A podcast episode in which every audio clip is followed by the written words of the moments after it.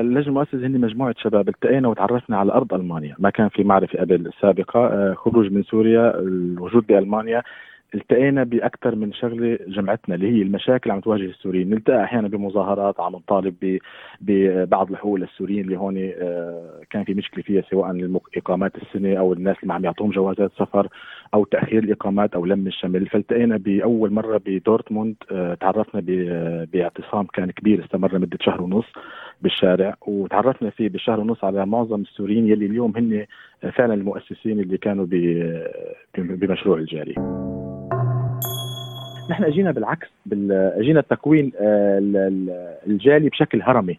اجينا من الأسفل للقمة وليس من القمة للأسفل. كان دائما يجونا الناس بشكل القمة هن موجودين جاهزين نحن المفروض نرتب آه، الهرم لحتى نبنيه. راح كون بإذن الله سد منيع كرئيس الجالية حاليا كرئيس تكتل اكاديمي كممثل مجلس إداري. أنا سد منيع ضد دخول أي شخص طبعا ضمن قانون الجاليه وضمن قانون الدولي الالماني ما نطلع عنه نهائيا. أي شخص شارك أو له يد بسفك دم بسوريا ايا كان يكون أن يدخل الجالية. ويوم اللي بلاقيه وصل للجالية ليجلس جنبي وما وما قدرت أمنعه. أنا حكون أول المستقلين من هذا المشروع لأنه هذا الشيء أنا عندي إياه خط أحمر. آه ما بقدر اتجاوزه نهائيا. مجرد تجاوزته فأنا تجاوزت إنسانيتي وهذا الشيء آه إذا كنت عايش أنا لحد اليوم فأنا عايش لأني آه آه قادر أقول كلمتي كلمة الحق اللي هي أنا. مستحيل إني أتعامل مع النظام. ولو بده يكون هذا على على آه على حسابي الشخصي إني أخسر بس مقابل إني ما أتعامل مع هذا النظام مجرم أو مع كل جهة أجرمت بحق الشعب السوري، كثير اللي اجرموا، كثير أكثر ما بتتخيلي.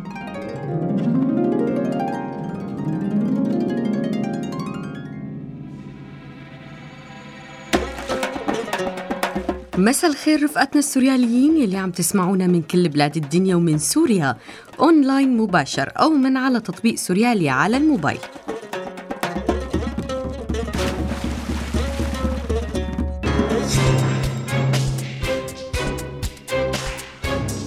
بنبتدي حلقتنا بآخر مستجدات ملف اللجوء على الساحة الدولية وبعدها بننتقل لسماع اللقاء مع ضيفنا الدكتور رواد الحلاق.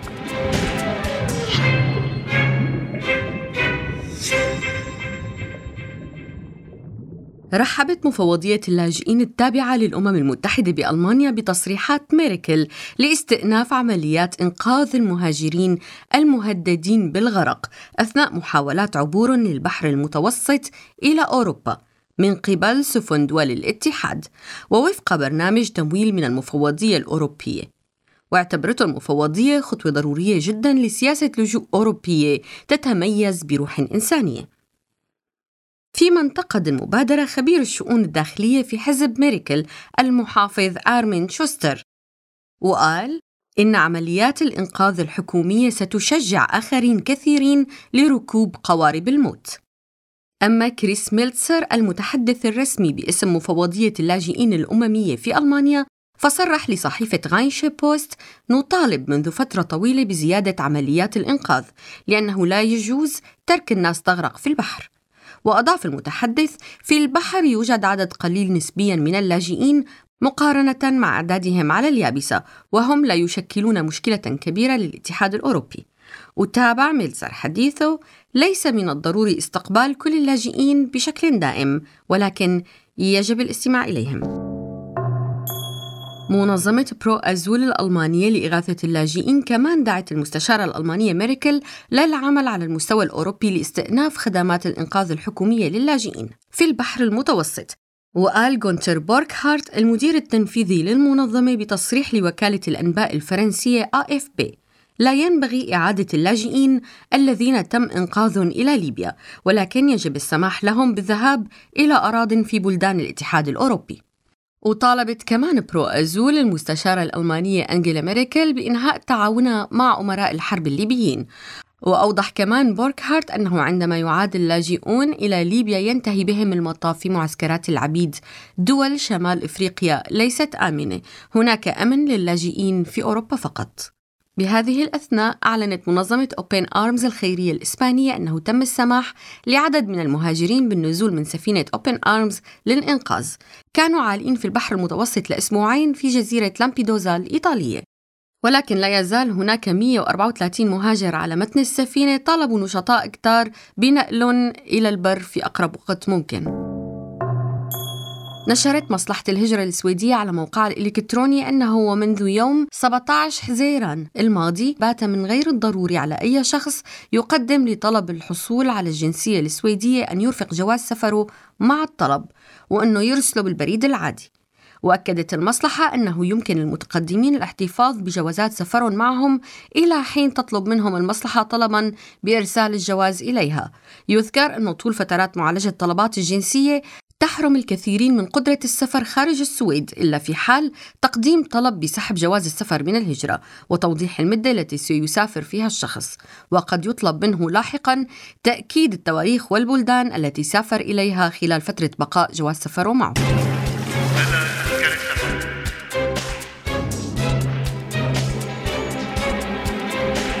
ضيفنا اليوم هو الدكتور رواد الحلاق من سوريا. عضو بنقابة الصيادلة الألمانية مع تعديل ماجستير ودكتوراه بعلم الأدوية. عضو مؤسس بتجمع الشعب السوري الحر في ألمانيا وجمعية بيت رحمة الخيرية في غوطة دمشق سابقا وفي إدلب حاليا.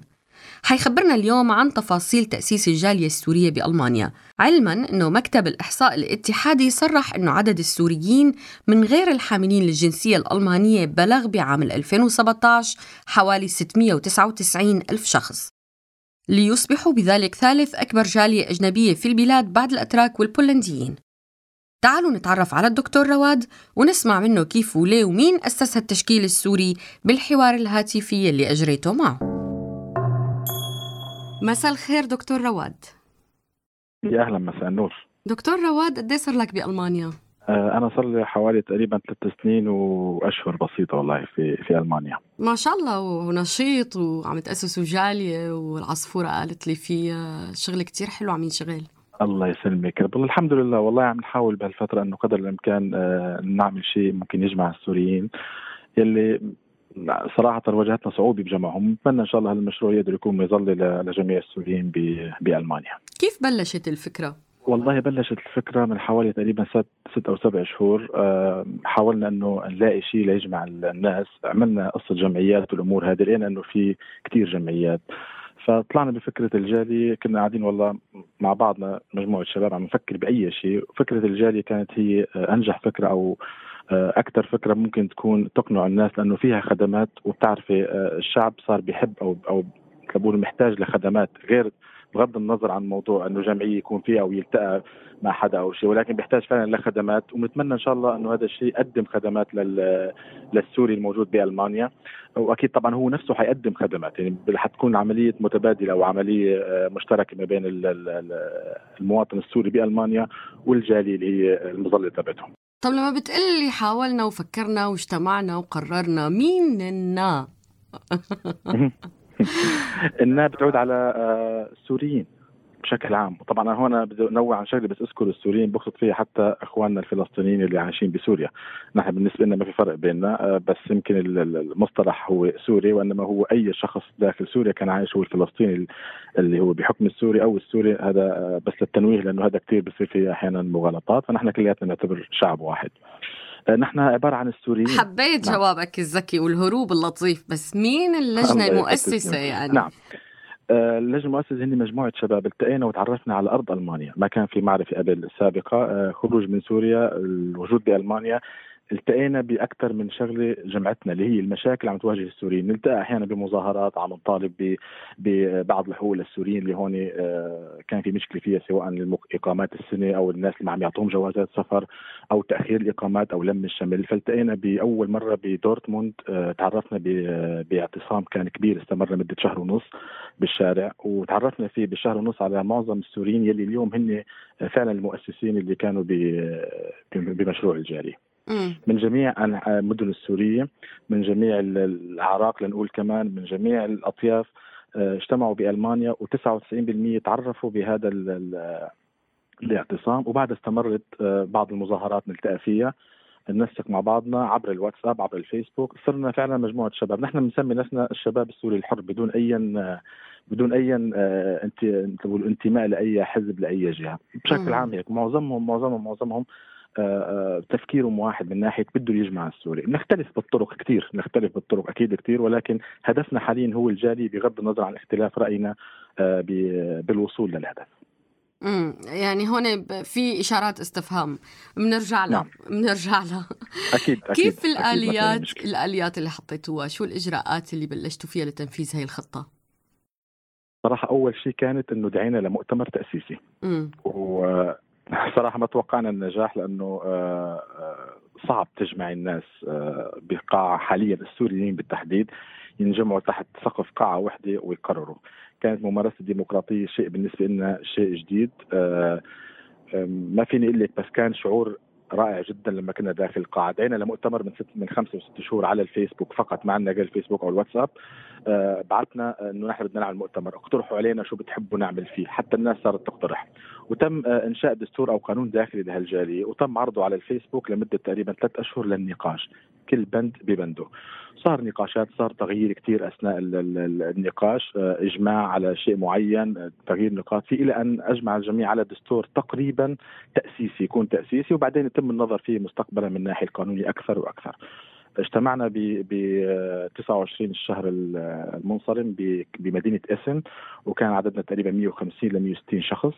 والحمد لله طلعنا بمؤتمر أنا بعتبره ولو إنه جديد بالنسبة لنا نحن بدون خبرة كان ولكن المؤسسين عليه كانوا آه، فعلا قد المسؤولية ونحن كضيوف كنا فيه. الحمد لله آه، مارسنا الديمقراطية بكل ما تحمله الكلمة من معنى، أكيد في أخطاء أكيد شيء طبيعي ولكن كل أجمع إنه النجاح كان غطى على الأخطاء. الحمد لله. كيف انحطت هي القوانين؟ على أي أساس؟ في معكم نعم. محاميين نعم. أطباء مثقفين؟ يعني الأساس تبعكم اللي عم يشتغل هذا الشغل كله مين؟ نعم. أنا هنعتبر الأساس هو المؤتمر التأسيسي اللي كان موجود. نحن سميناه هن المؤسسين ال 150 شخص اللي كانوا بالمؤتمر هن المؤسسين كانوا. صراحة نحن آه، أغلب ما التقينا فيهم إلا بالمؤتمر. أول شيء كانت آه، قسمنا الجالي لسبع تكتلات. م. كل تكتل للتخصص تبعه. يعني عملنا التكتل خاص بالأكاديميين للناس الأكاديميين. تكتل خاص بالحرفيين. تكتل آه، السيدات. تكتل آه، الحرفيين. كان في تكتل كمان للجمعيات داخل ألمانيا المسجلة. وفي تكتل العام يلي ما بيحب ينضم لأي من هالتخصصات ويقيد نفسه ممكن ينضم للتكتل العام. كل تكتل متخصصين بقلبه من جوا. وهن المسؤولين عن ترشيح أو انتخاب الشخص منهم وهم أعلم به لأنه تناقشوا بفترة قبل المؤتمر على الفيسبوك والمجموعات وبعدين التقوا فعلا وجها لوجه داخل قاعة المؤتمر تعرفوا خلال ست أو سبع ساعات اثناء المؤتمر وآخر المؤتمر كان في التصويت.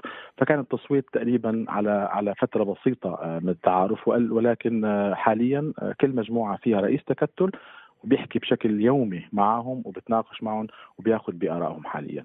وضمن المجموعة السبعة اللي طلعنا نحن آه، فيهم تم انتخابي كرئيس للمجلس الإداري وفي نائب موجود معنا وفي أمين سر ونحن السبعة عاملين مجموعة كمان في لجنة رقابية في لجنة آه، لجنة قانونية يعني الموضوع في تكتل كمان الحقوقيين يمكن نسيت اذكره آه، هو أكثر تكتل ساعدنا بموضوع صياغة الدستور تبع الجالية.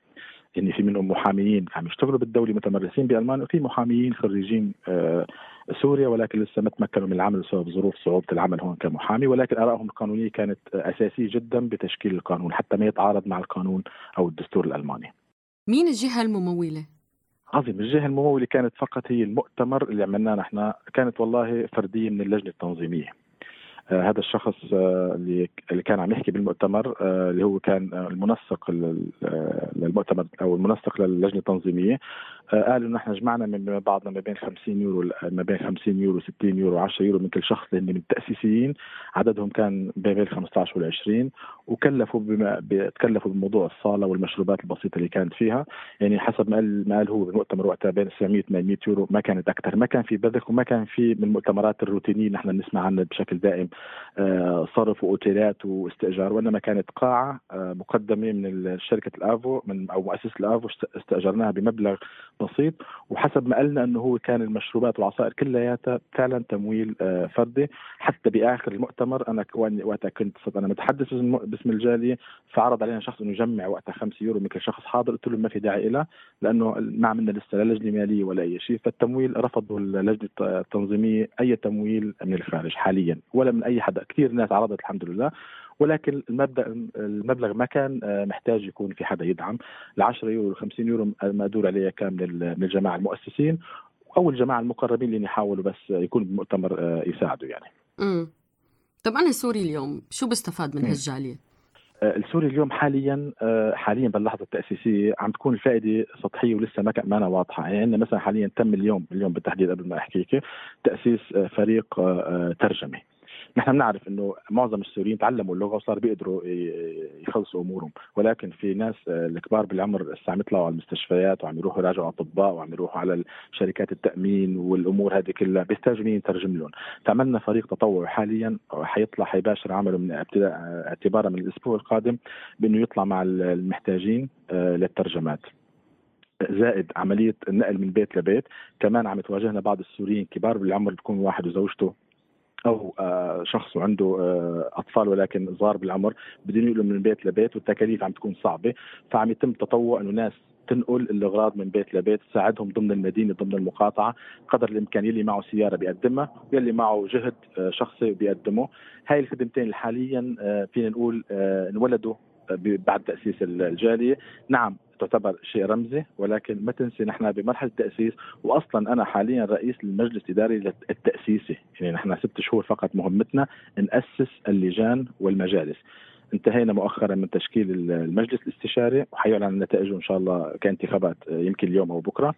وعملنا المجلس الرقابي أو اللجنة الرقابية بسموها مع اللجنة القانونية كمان. انتهينا من من, من اعضائها عم عم ينضم كم شخص لسالها وحتعلن. يعني هدفنا نحن من هون لست شهور نأسس اللجان نأسس المجالس المطلوبة نحط الطريق الجالي على الطريق ان إحنا نتمنى توصل له توصل للهدف له ونترك للجيل اللي حيجي بعدنا أو الفريق اللي حيجي بعدنا يستلم الجالية سواء كنا منهم أو ما ما كنا منهم ما عندي أي مشكلة المهم تستمر آه، يستمر الوضع آه، مثل ما بلش إن شاء الله الخدمات مستقبلية ممكن احكي لك عنها إذا بتحبي بس أكيد آه، شوف شو حضرتك إذا عندك شيء أسئلة معينة ما هي بدي أسألك يعني إنه هلأ الخدمات اللي حاليا مقدمة ما بدي بخس منها بس إنه. من خلال مراقبتي لتجمعات السوريين عم يساعدوا بعض. م. يعني ما في حدا عم ينقطع. كله كل فيهم خير وبركة وكلياتهم يعني على الفزعة كله جاهز. صحيح. مثل ما قلت لك كانت بداية آه، بداية بس مؤقتا لبين ما آه، يتم تأسيس باقي الأمور. مستقبل أنا حلمي اللي بدي أشوفه يمكن تقولي لي بعيد شوي بس آه، بدي أحطه هدف.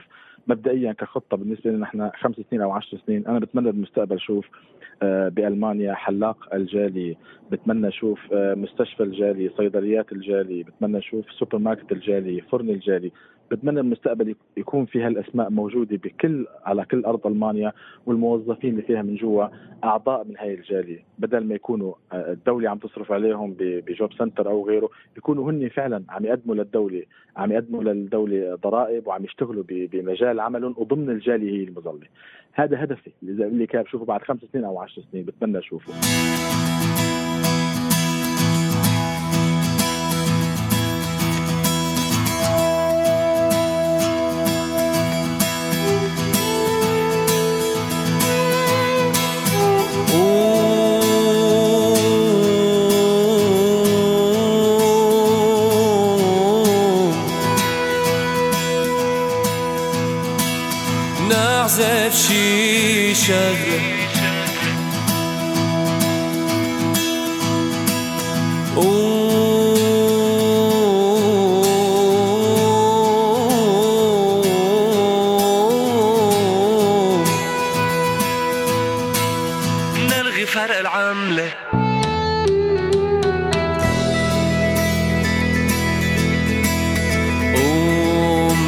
تجمع كل هالخبز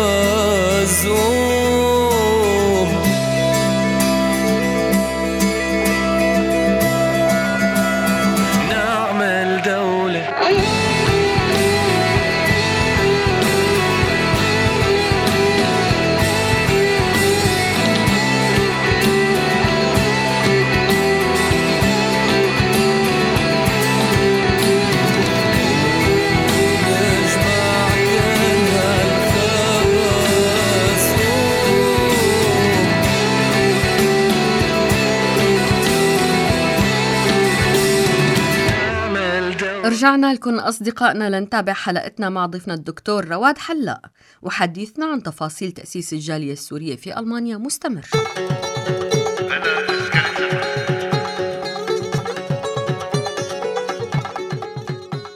كلمة جالية كلمة كبيرة كلمة جالية يعني اللوبي كلمة جالية يعني مؤثرين كلمة جالية يعني بتغيروا بالقوانين كلمة جالية يعني بتغيروا بالقرارات كلمة جالية يعني يعني كلمة منكم بت...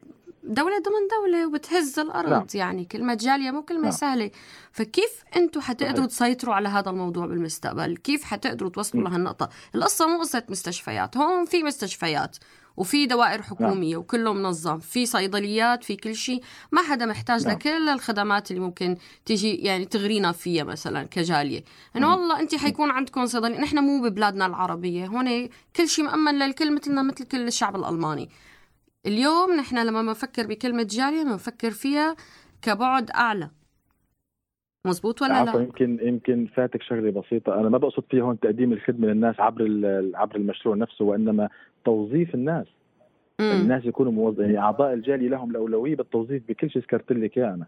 يعني تخيلي أنت عندك مثلا سلسلة مطاعم الجالي ويكون موظفين كلها كلها بقلبها من الشيف لل للي يعني للكلنر لكل الموجودين بقلبها من جوا من أعضاء الجالي يستفيد لهم الأولوية هن يتوظفوا وهن ياخذوا هي المقابل. هذا اللي قصدت فيه أكيد طبعا البلد مليان مشاريع وإنما ما فينا نقول وقفت المشاريع اليوم. بدنا مشاريع تكون للجالي والعائد تبعها يرجع على الجالي والموظفين اللي بقلبها من جوا يكونوا هن أعضاء الجالية. هذا الهدف مثل ما انت قلتي دولي أنا أنا معك فيه بس حاليا أنا بقدم شخص على أكثر من عمل.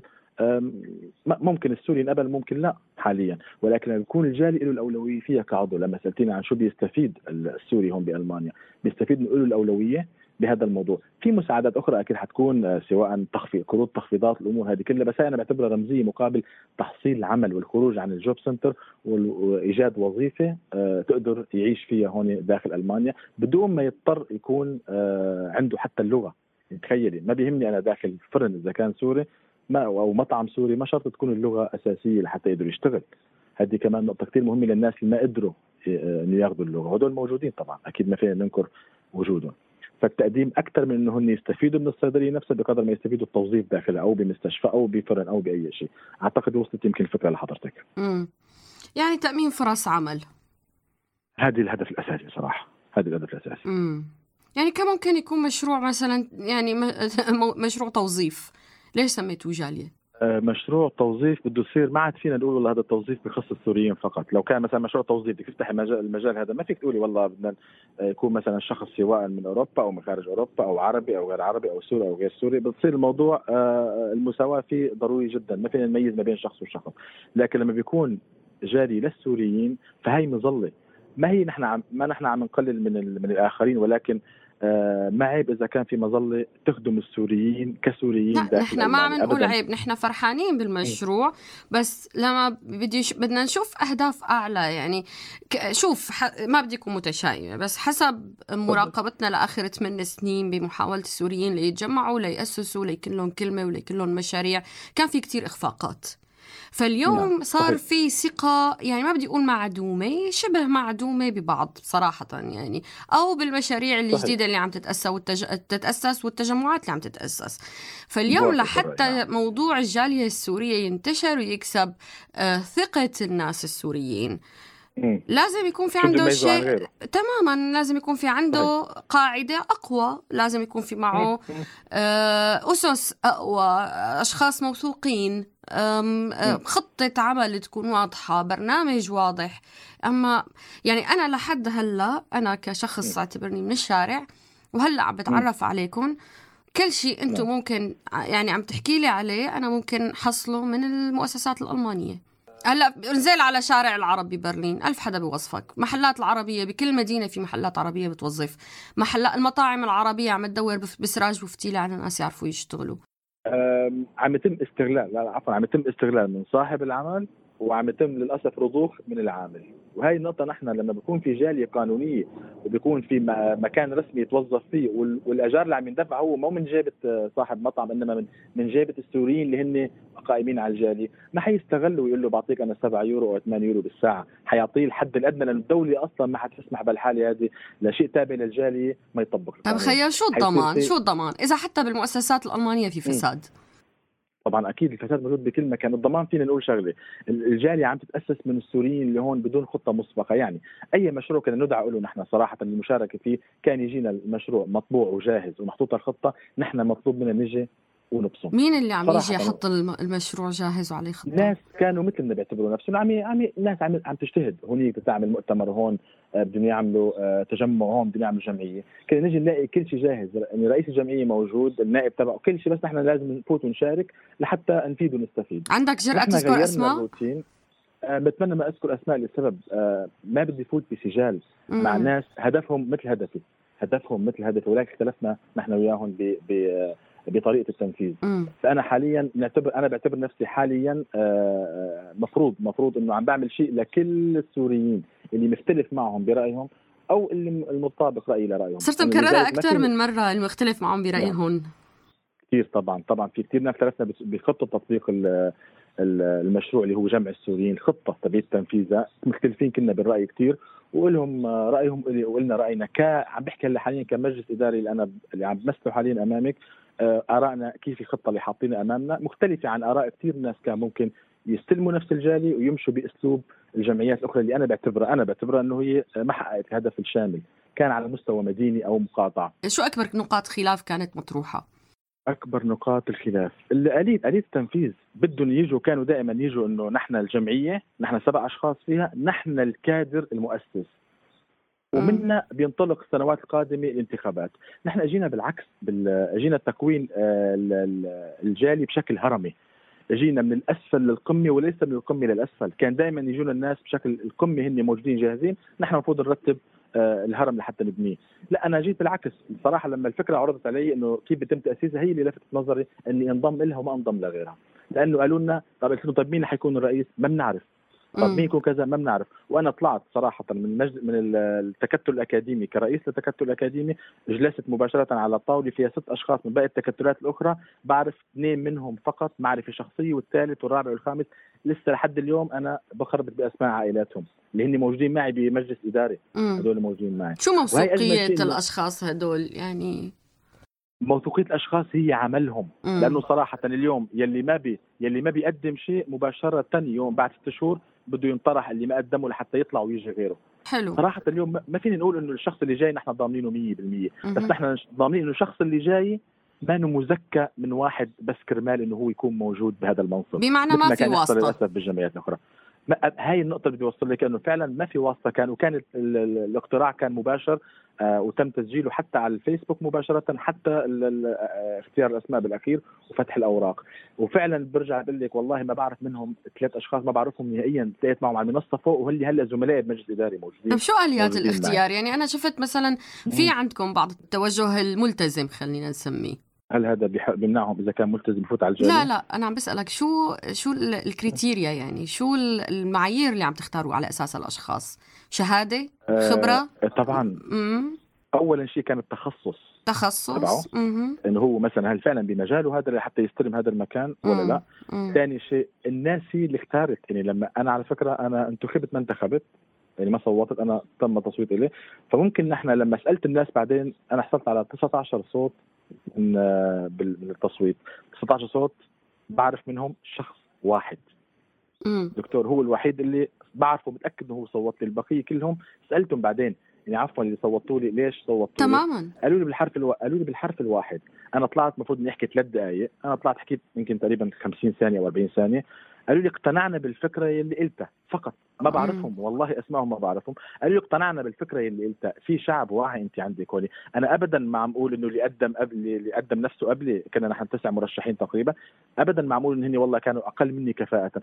ولكن عجبني إنه اللي اختارني ما بيعرفني. مم. بس اقتنع بالكلام اللي أنا قلته إذا كنت قد كلامي أنا بعد ست شهور بثبت هذا الشيء وإذا كنت ماني قد كلامي بيكون على الأقل هو اختار على الكلام ما اختار لأنه هذا الشخص بعرفه أو هذا الشخص صديق لي أو من منطق من منطقتي بسوريا للأسف موضوع المناطقية كان كثير آه، آه، مثل بقولوا كان حاول يطغى على المؤتمر بس الحمد لله بالعقول النيرة اللي موجودين في ناس كبار بالعمر معنا فوق ال 60 سنة كان لهم رأي كثير واضح وكان خبرتهم استفدنا منها كثير قدموا إنه بعدوا عن المناطقية بسوريا وبعدوا عن المناطقية بألمانيا. نحن حاليا آه، داخل دولة أخرى بدنا نحاول نتعامل كسوريين وليس كشخص لأنه والله أنا من منطقة الدير أنتخب صاحبي من منطقة الدير أو حمص من حمص وهكذا. مم. فعلا كان التصويت حاليا نحن بالمؤتمر بتصدقوا قدامي بالله إني ما بعرف حاليا منين الشباب. يمكن واحد بعرف هو من الدير فقط لأنه كلامه ديري إنما بقيه الشباب ما بعرف مين من دمشق أو مين من الحسكي أو مين من حمص أو مين من لأنه ما في ما في مناطقية. في شخص بيستاهل المنصب أو المكان ولا لا؟ مم. والموضوع كله تكليف تكليف ما كان ابدا تشريف. الموضوع فعلا مم. تكليف. والحمد لله ما بقول لك قديش جهل عم ياخذ منا الموضوع لتأسيس اللجان والمجالس. ولكن نحن قلنا بدنا نتحمل مسؤولية فلازم نكون قدها أنا عندي ست شهور كاملة لازم نخلص فيها المهمة اللي هي تشكيل أساسيات الجالية. قلت لي المعيار شو كان؟ المعيار كان تخصصه للشخص الثلاث دقائق اللي حكى فيها أمام الناس وقبل بأسبوعين تقريبا على مجرة الواتساب يسألوه. يعني أنا التكتل الأكاديمي نزلوا فيني أسئلة آه، آه، خاصة جدا حتى بحياتي. كل شيء يسألوها وأنا كنت معهم 15 يوم تقريبا عم جاوب. وحاول إني جاوب قدر الإمكان شو اللي ممكن أقدر جاوب فيه. اللي اقتنع اقتنع واللي ما اقتنع بحترم أكيد رأيه. لأنه في غيري كما كانوا موجودين وحصلوا على أصوات.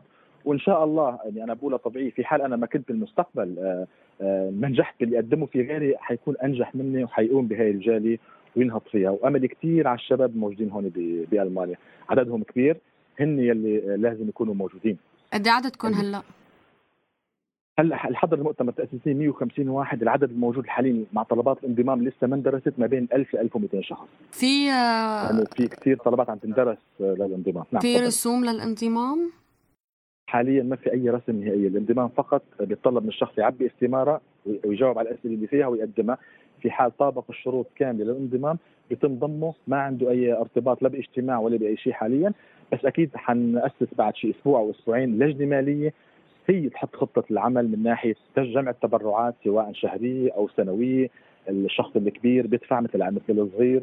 الأمور هاي كلها حتستلمها لجنة مالية وحيكون في جانبها لجنة آه، تجارية. حتى كمان تعطي رأي من ناحية تجارية كيف ممكن الشخص إنه يحط هال 5 يورو سواء أو 3 يورو يعني يدفعها بالشهر أو 50 يورو بالسنة الله أعلم. كيف حيقدر يستفيد منها بآخر السنة؟ إنه والله هي رجعت لي بفائده كأنا كسوري عايش بألمانيا. مثل ما قلت لك من ضمن المشاريع اللي اللي اللي قلت لك عنها. في عندنا مشاريع حاليا تأجير البيوت.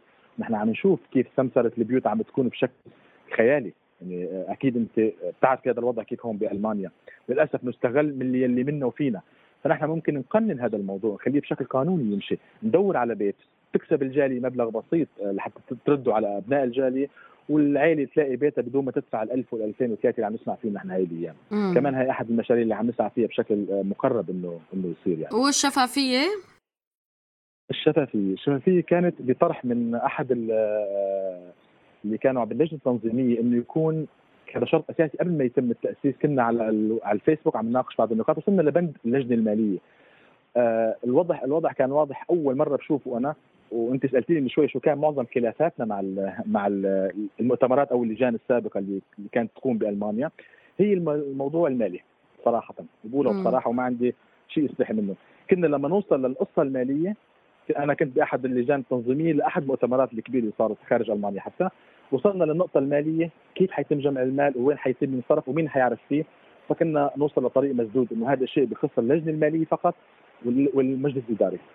هون كان شيء غريب جدا إنه حيتم كل عضو يحق له عبر التواصل عبر الإنترنت إنه يفوت على الحساب بأي وقت ويشوف شو عم يدخل وشو عم يطلع. اللي هو بسموه فيه النظام المالي المفتوح. أنا استغربت فيه بالأول لأنه أنا بحس إنه ما ممكن ينعمل. إنه في أشياء بتبقى لازم الواحد إنه يرتبها لأنه في ضرائب وفي أمور ثانية في شخص من ضمن من ضمن المؤسسين محامي هو فأقنعني قال لي بالعكس هذا بيتم وما عندنا أي مشكلة فيه لطالما النظام المالي مفتوح. ما عندنا شيء نخبيه قال لي بيتم فتحه مباشرة على الاونلاين أي عضو بفوت بالكود تبعه سواء كان تاريخ ميلاده حيكون أو اسمه أو أي شيء يدخل ويشوف الوضع المالي للجالي شو شو وصل له شو المشاريع طلعت فيها شو العناوين شو كل شيء بيكون موجود فيها. ممتاز. هذا بصراحه أعطاني اطمئنان آه ما تتخيلي لأنه أغلب اللي كان يواجهنا بالمشاريع الأخرى هو المال. ممتاز. والمال هو اللي فعلا سلاح ذو حدين. ممكن بأي لحظة يخسر أي مشروع ثقته بسبب شك أو بأي شيء يصير. وياما أكثرهم يعني بيحطوا تبعوا العصي بالدواليب بيناتنا للأسف يعني. فبنقول الحمد لله هذا مشروع طمني كثير من ناحية النظام المالي المكشوف. هذا معلومات كتير مهمة وفي شيء بتحب تضيفه بالنهاية؟ يلي بدي أضيفه بالنهاية على موضوع لما سألتيني عن سؤال يمكن لاحظتي أو شفتوا إنه في ناس ملتزمين بالمؤتمر أو بالجالية منضمين آه، نحن الشعب السوري بشكل عام الأغلبية هي أغلبية مسلمة. وعبر السنين أو 14 قرن اللي مضوا كانوا هن المسلمين موجودين بسوريا وكان جميع الطوائف الأخرى موجودين معهم كسوريين وليس كطوائف أخرى كانوا كسوريين. وما وما فرقنا بطائفيتنا أو بقوميتنا إلا الأنظمة النظام ال 50 سنة اللي, اللي كان بسوريا لليوم هذا اللي كان عم يفرق. وإنما نحن اللي بيجمعنا أكثر بكثير من إنه يفرق يفرق بيننا اللي هو موضوع الطائفة. الجالية كان فيها مسلمين وضع طبيعي تشوفي من الشعب السوري أكثر الناس الموجودين مسلمين. عم تحكي عن الالتزام الحمد لله أنا أدعي الالتزام. وصلت لرئيس الجالية. شو بالناس يصوتوا لي؟ أغلبهم يساريين. صدقي أو لا تصدقي. أغلبهم يساريين. وهذا الشيء عرفته بعدين. سالته أنا قالوا له نحن توجهنا يساري شفنا أحيانا بكلامك في التزام ديني بس وجهه وجهة نظرك كانت آه، واضحة إنه هي مبنية على علم وعن وعن آه، وعن تجميع وليس تفريق شكرتهم على وجهة نظرهم بحترم رايهم ولكن ماني مع رأيهم اللي بيفكروا فيه ولكن هذا الشيء ما بيمنع أن يشتغلوا معي آه، لبناء الجاليه ولا عندي م. أي مشكلة فيها وهذا شرطي على نفسي حطيته م. هذا شرطي على نفسي الشرط الوحيد اللي ما أشتغل معه هو اللي له يد بالإجرام بحق الشعب السوري. هذا سبقتني سبقتني لأنه لحد هلأ مثل نعم. مثل طنين النحل براسي. يعني أنا لو حدا مشارك بقتل أهلنا السوريين بيجي بيكون معي بالجاليه وبيكون شخص مسؤول أو مثلا له كلمة أو يعني ما بعرف كيف ممكن هذا الموضوع الحساس نقدر نتجاوزه يعني. طبعا هو موضوع حساس بس يدور في في ذهن الكبير والصغير وكل سوري عايش بلد أول سؤال بدور بذهنه كيف أنا حقعد مع شخص كان بيوم من الأيام أجرم بحق أهلي؟ أنا حقول لك أنا بعتبر نفسي وأعوذ بالله من كلمة أنا راح أكون بإذن الله سد منيع كرئيس الجالية حاليا كرئيس التكتل الأكاديمي وكممثل مجلس إداري أنا سد منيع ضد دخول أي شخص طبعا ضمن قانون الجاليه وضمن قانون الدولي الالماني ما نطلع عنه نهائيا. أي شخص شارك أو له يد بسفك دم بسوريا ايا كان يكون أن يدخل الجالية. ويوم اللي بلاقيه وصل للجالية ليجلس جنبي وما وما قدرت أمنعه أنا حكون أول المستقلين من هذا المشروع لأنه هذا الشيء أنا عندي خط أحمر آه ما بقدر أتجاوزه نهائيا. مجرد تجاوزته فأنا تجاوزت إنسانيتي وهذا الشيء آه إذا كنت عايش أنا لحد اليوم فأنا عايش لأني آه آه قادر أقول كلمتي كلمة الحق اللي هي أنا مستحيل إني أتعامل مع النظام ولو بده يكون هذا على على آه على حسابي الشخصي إني إني أخسر بس مقابل إني ما أتعامل مع هذا النظام مجرم أو مع كل جهة. أجرمت بحق الشعب السوري. كثير اللي اجرموا كثير أكثر ما بتتخيلي فأنا مستحيل أجلس معهم بمجلس إداري واحد أو بإدارة تنظيمية مع بعض ونقعد ننسق بوضع السوريين. أكيد حيكون في الناس في, في ناس بالجالية حتتسلل ضمن الجالية. لكن آه، صدقيني في لجنة رقابية موجودة في دستور محطوط قانون واضح الجالية حتكون نظيفة وما بعتقد حيدخل حيدخل إلا الشخص النظيف اللي هو فعلا بده يبني للسوريين ما بده يهدم. وبالمقابل ما له يد ابدا بالدم اللي موجود بسوريا من أكثر من ثمان سنين لحد اليوم. هذه المختصر بدي لك إياها أنت كيف بترتبيه رتبيه بس أنا هذا المختصر قلت لك اياه وهي كلمة تاخذ عني إن شاء الله لحد ما أه لحد ما أموت. أنا بدي أعتبر هذا التصريح مسك الختام موقفك أه يحترم ومنشد على إيدك. بتمنى لكم كل التوفيق. بتمنى هالجالية تكبر لأنه أي مشروع سوري أه سليم ومتوازن وهدفه سامي. يعني آه، بيرفعنا بنرفعه وبيرفعنا. فبدي أتمنى لكم التوفيق من كل قلبي آه، ونحن جاهزين ل يعني دعمكم بأي مشروع بينطرح أي فكرة أي شيء. إذا عندكم أي شيء بتقدروا تتواصلوا معي وأنا جاهزة لغطي لكم الموضوع. مرة تانية بدي أتشكركم أتشكركم كتير. أتشكرك بشكل شخصي. آه، أتمنى توصل للحلم بالمثالية اللي أنت عم تحلم فيها. إن شاء الله إن شاء الله بنشد على إيدكم إنه ينجح هالمشروع ونكون مثال للجاليات الأخرى. تسلم يا رب. أنا بدوري باسمي وباسم المجلس الاداري وباسم الجالي الأعضاء جميعا فيها واللجان بتشكركم كونكم آه يعني أول جهة نحن نطلع بتصريح رسمي الا بعد ما تأسست الجاليه آه، واسم برنامجكم أو اسم إذاعتكم هو اللي شدنا أكثر شيء لحتى تكتمل القصة معنا ونقول لا نحن لازم نطلع بقى لأنه صار كذا جهة عم يقولوا لنا ونحن لسه ما عندنا شيء لحتى نحكيه. ولكن بما إنه اسمكم آه، سوريا لي ف هذا الشيء شجعنا إنه لازم نحكي انه بنعتبر نفسنا نعتبر نفسنا نحن آه، آه، جهة وحدة. ما انكم طرفين إنما أنتم طرف معنا نحن طرف معكم لحتى نبني حتى نبني لهالناس اللي السوريين اللي عايشين هون بألمانيا. بتشكرك كثير ونتمنى إن شاء الله نكون جاوبنا على الأسئلة بشكل واضح وأي شيء أنا حاضر لأي استفسار.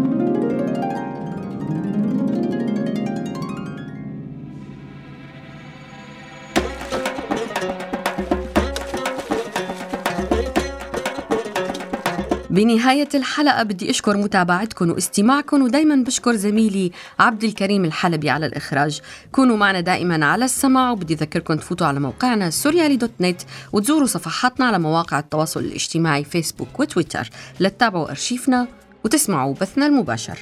كنت معكم من وراء المايك رئيفا المصري ضلوا بأمل وبألف خير.